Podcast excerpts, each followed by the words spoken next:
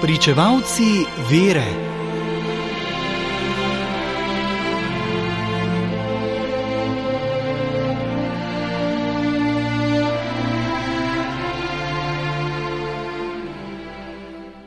Danes zgodujejo sveti Andrej Dunklac in tovariši vietnamski mučenci. V pomembni listini drugega vatikanskega koncila beremo, Cerkev ima učeništvo, s katerim učenec postane podoben učeniku, ki je prostovoljno vzel na sebe smrt za zveličanje sveta in s katerim se upodobi po njem v prelitju krvi, za odličen dar in za najvišji dokaz ljubezni, čeprav je to dano le malo številnim, pa je vendar treba, da so vsi pripravljeni priznavati Kristusa pred ljudmi in hoditi za njim po poti križev preganjenih, ki cerkvi nikdar ne manjka. To so junaško uresničevali vietnamski učenci, ki so z daritvijo svojega življenja pričevali za Kristusa v krvavih preganjenih od prve polovice 17. stoletja naprej. Današnji Vietnam je bil nekdaj znan pod imeni Tonkin, Anam in Košinšina. Prvi katoliški misionarji so v te pokrajine prišli že proti koncu 16. stoletja. Tamkajšnji ljudje so bili za evangelsko oznanilo zelo odprti, država pa je veljala za eno najbolj nestrpnih. Njeni vladarji in dostojanstveniki so obenem s kitajsko kulturo od Kitajcev sprejeli tudi sovraštvo do tujcev. Tuje oznanjevalce vere so imeli za preziralce, sovražnike njihovega rodu, domačine, ki so vero sprejeli, pa za izdajalce in upornike.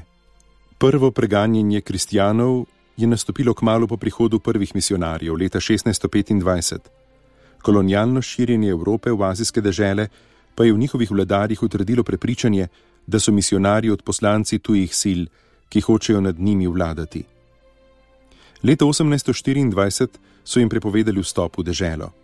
V letih od 1833 do 36 leta pa je cesar izdal odredbo, ki je smrtno kaznijo prepovedala vsako misijonsko delo.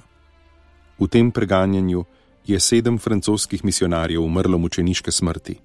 Papeži so v preteklosti za blažene razglasili več vietnamskih mučencev, ki so dali življenje za Kristusa v 17., 18., 19. stoletju.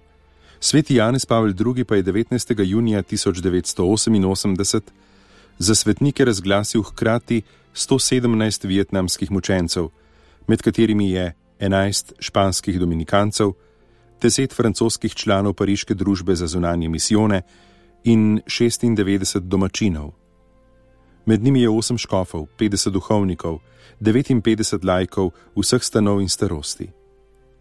Na prošnjo vietnamskih škofov je isti papež leta 1989 določil, da se njihov skupni obvezni god praznuje 24. novembra po vsej cerkvi rimskega obreda in sicer tako, da je na čelu vse skupine imenovan Andrej Dung Lac. Ta vodnik izbrane čete vietnamskih mučencev je bil izročen v varstvo nekemu katehetu, ki ga je vzel seboj, rodil se je poganskim staršem v Tonkinu. Poučeval ga je v veri, dal ga je krstiti. Kmalo je tudi sam postal katehist in bistremu fantu so omogočili študij bogoslovja. Posvečen je bil duhovnika, 1823. leta, deloval je po raznih krajih. Leta 1835 so ga vrgli v ječo, verniki so zbrali denar za odkupnino, bil je izpuščen. Da pa bi se lažje izmikal preganjanju, je spremenil ime v Andrej Dunklac. Kmalu zatem ga je posvetil svojo mučeniško krvjo.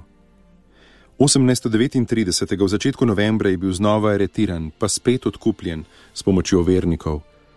Ko se je s čovnom prepeljal čez reko, ga je prepoznal eden od preganjavcev. Odvedli so ga v Hanoji in ga postavili pred sodišče. Silili so ga, naj se odpove veri, naj pohodi križ, pa je ostal neomajen. Obsojen je bil na smrt z obglavljanjem. Gospod, za katerega je zvesto pričeval, ga je sprejel 21. decembra 1839. Današnji svetnik je eden nebeških zavetnikov tistih, ki jim je ime Andrej, predvsem v okolju, v katerem je svetnik živel, v Vietnamu in Indokini. Večina naših Andrejev pa goduje 30. novembra na praznik apostola Andreja. Več o njem čez nekaj dni.